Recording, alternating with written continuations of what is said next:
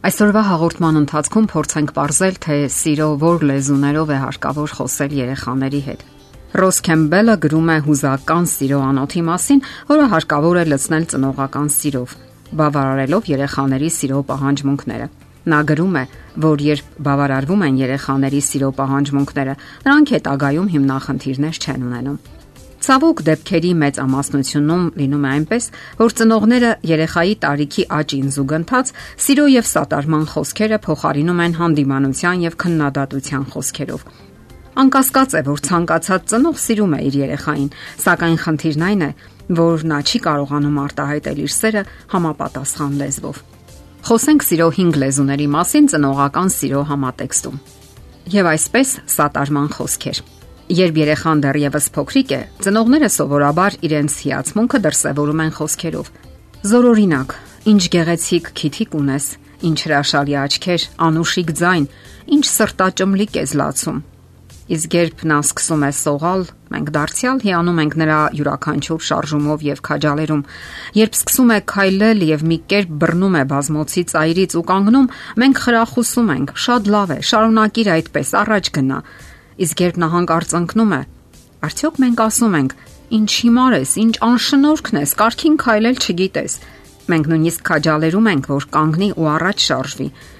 Իսկ ահա, երբ երեխաները մեծանում են, մենք այնքան շատ բան ենք պահանջում նրանցից։ Հորդորում ենք, որ խաղալիքները հավաքեն գետնից։ Իսկ երբ նրանք հավաքում են 10 խաղալիքից 7-ը, մենք ասում ենք. Ինչու՞ չես հավաքել այն 3-ն էլ։ Փոխանակ ասենք, շատ ապրես, դու հավաքել ես այս 7 խաղալիքը։ Իսկ սիրո սատարման լեզվի պահանջմունքն ունեցող երեխայի համար մեր քննադատությունը եւ բռի խոսքերը պարզապես սարսափելի հարված են նրա հոգեբանությանը։ Սիրո հաջորդ լեզուն որակյալ ժամանակն է։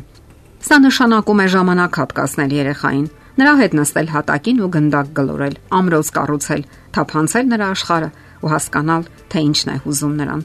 Ձեզ կարող են չհրապուրել համակարգչային խաղերը, սակայն մինչև ձեր մակարդակին հասցնելը դուք պետք է նրա մակարդակին հասնեք։ Իսկ մեծանալուն զուգընթաց, երբ աճում է երեխայի մտահորիզոնը եւ լայնանում աշխարհայացքը, դուք պետք է նրա հետ եւ նրա կողքին լինեք։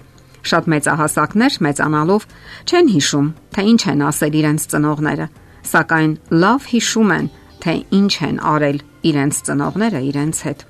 Սիրո հաջորդ լեզուն նվերների լեզուն է։ Երբեմն հենց նվերներն են համարվում սիրո հիմնական լեզուն։ Եթե զգում եք, որ երեխան հաճույքով է ընդունում դրանք, այդ մասին պատմում է իր ընկերներին, ուրեմն դուք ճիշտ ուղու վրա եք։ Եվ հիշեք, որ կարևորը ոչ այնքան նվերի գինն է կամ որակը, այլ նվերի բուն փաստը։ Շատ դեպքերում ծնողների ձեռքով պատրաստված նվերները ավելի հաճույքով են ընդունվում նրանց կողմից, քան ամենաթանկ արժեքավոր նվերը։ Հաշվի առեք, որ նրանք երբեմն ավելի շատ խաղում են նվերի տուփի հետ, քան խաղալիքի։ Կարող եք նույնիսկ վերանորոգել հին կամ ջարդված խաղալիքները եւ նվիրել։ Նրանք առանձնակի խնդիրներ չեն ունենա դրա հետ կապված։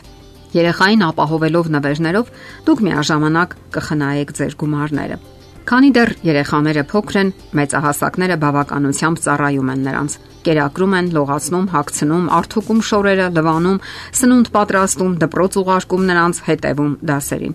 Եթե շատ երեխաների համար սա միանգամայն բնականon է, ապա ոմանք այս բոլորն ընդունում են որպես սիրո դրսև